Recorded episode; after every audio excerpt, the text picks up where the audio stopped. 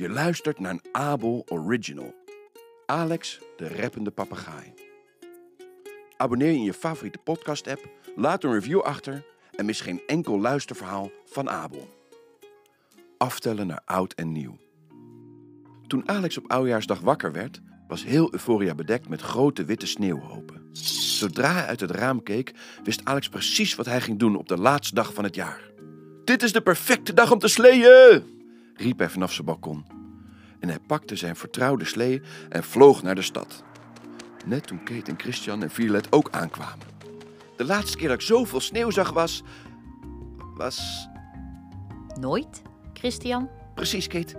Ik heb nog nooit zoveel sneeuw gezien. Waar komt het eigenlijk allemaal vandaan? Ik weet vrij zeker dat het uit de lucht komt. Zei Violet met een glimlach.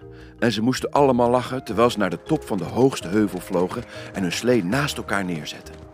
Klaar, jongens? Kate keek vanaf de top van de heuvel naar beneden. Dit wordt onze laatste sleetocht van het jaar. Ik ben er klaar voor. Daar gaan we. Drie, twee, één. Hup! En daar gingen ze. Ze zoefden de heuvel af. De wind gierde door hun veren. Ze gilden het uit van plezier. Alex hield zich stevig vast terwijl zijn slee naar links ging. En dan weer naar rechts. En bij elke hobbel een stukje de lucht in vloog wanneer hij met een klap de grond plofte en weer verder sjeesde. Uiteindelijk kwamen alle andere vogels langzaam tot stilstand, maar Alex sleede blijkbaar op een glad stuk sneeuw, want zijn slee bleef maar doorglijden. Voor hij het wist, stormde hij recht op het stadhuis af. Als hij niet oppaste, zou hij de trap opsleeën en recht door de voordeur vliegen. Hij stuurde naar links, waardoor hij gelukkig de trap miste, maar zoefde in plaats daarvan de tuin in en vloog flatsch! Recht een besneeuwde struik in. Violette, Kate en Christian renden achter hem aan en maakten hem los uit de besneeuwde takken. Gaat-ie, Alex? Je ging zo snel dat we je niet eens konden zien. Wacht even. Wat is dat? Violet keek nog eens goed naar de struik. Het was niet zomaar een struik.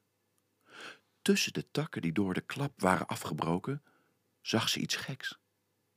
Het leek wel een oude klok.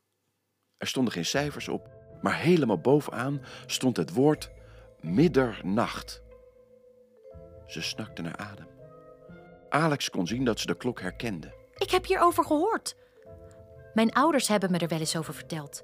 Het is een klok die aftelt tot middernacht op oudejaarsavond. Iedereen in Euphoria kwam het vroeger bezoeken. Maar ik denk dat de tuin hem helemaal heeft overwoekerd, waardoor hij niet meer te zien was. Maar nu hebben we hem weer gevonden. Het is bijna oudejaarsavond. Dat kan geen toeval zijn, toch jongens? Maar toen Alex zich omdraaide, zag hij dat Kate en Christian naar de grond voor de klok staarden. Daar, bedekt met klimop en bladeren, lag een steen. En er waren woorden ingekerfd. Vind voor het aftellen het hart van de jungle. Wat betekent dat? Maar niemand wist wat de vreemde woorden betekenden. Was het een raadsel? Een puzzel? Of was het gewoon een willekeurige tekst op een oude vergeten steen? Eén ding was zeker, dacht Alex, terwijl hij naar zijn vrienden glimlachte. Ze moesten erachter komen. Ze lieten hun sleeën achter en volgden het pad de stad uit, de jungle in. Ze liepen en liepen door de dikke groene bomenwereld voor wat wel uren leek. Voordat de vrienden uiteindelijk allemaal stopten en zuchtten. Wat is het hart van de jungle eigenlijk? Hoe weten we dat we het gevonden hebben? Eh, nou, misschien is het de plek precies in het midden. Misschien is het iemands naam? Of misschien komen we er gewoon nooit achter? mopte Violet en ze zakte op de grond. Maar toen ze op haar rug ging liggen en omhoog keek naar de bomen, schrok ze. Een paar glimmende ogen keken haar aan. Oeh, oh, eh, eh, zei, zei iemand het hart van de jungle? klonk een stem. En toen sprong er een dier uit de boomtoppen naar beneden. Het was een harig aapje die naar Alex toesprong en zijn vleugels in zijn hand nam. Oeh, aangenaam. Ik kan je er wel heen brengen als je wilt. Alex en zijn vrienden hadden dit aapje nog nooit ontmoet. Maar hij was zo aardig dat ze meteen wisten dat ze hem konden vertrouwen. "Eh, ja, graag, zei Alex. En ze deden hun best om de aap bij te houden, terwijl hij door het bladerdak slingerde en van tak naar tak sprong.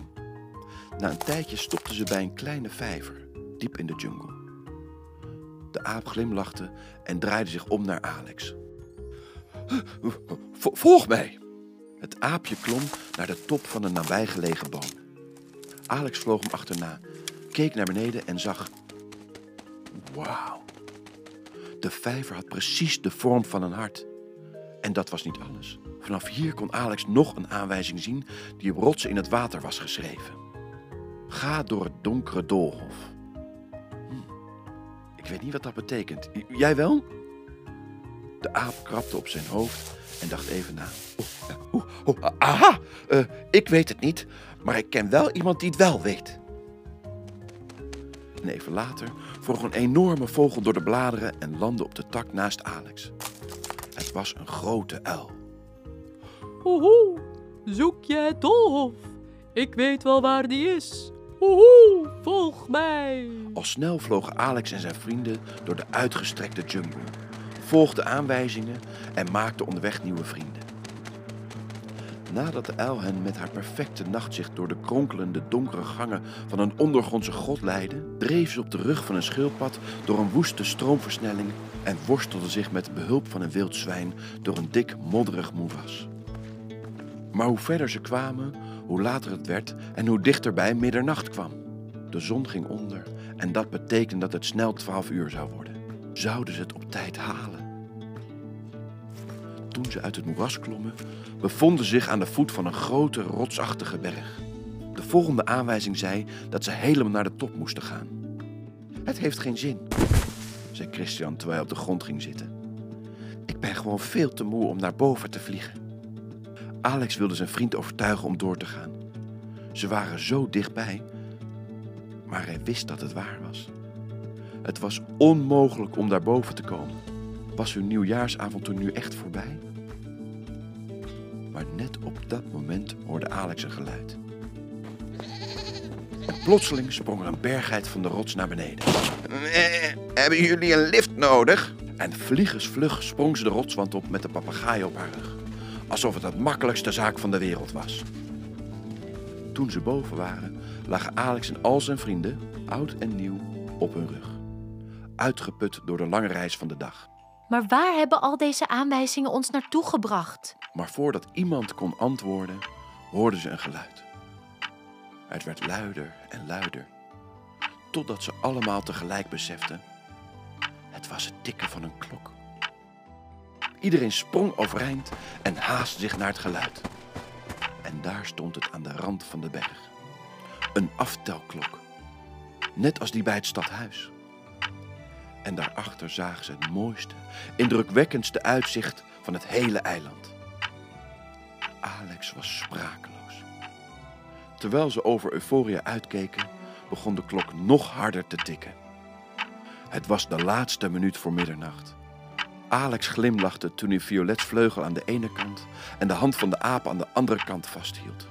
Al zijn vrienden die hem hadden geholpen om op deze plek te komen, stonden samen op de rand van de klif. Ze hielden vleugels en handen en hoeven en zwemvliezen vast en keken hoe de hemel zich vulde met prachtige spiraalvormige groene lichtjes en oogverblindende fonkelende sterren. Dus dit is waar de klok ons naartoe leidde. Alex was heel erg dankbaar voor alle hulp die ze onderweg hadden gehad. Een plek die we alleen samen konden bereiken. Met het allerbeste uitzicht op ons eiland. Gelukkig, Gelukkig nieuwjaar! Gelukkig nieuwjaar! Juichten ze allemaal toen de klok middernacht sloeg. Einde.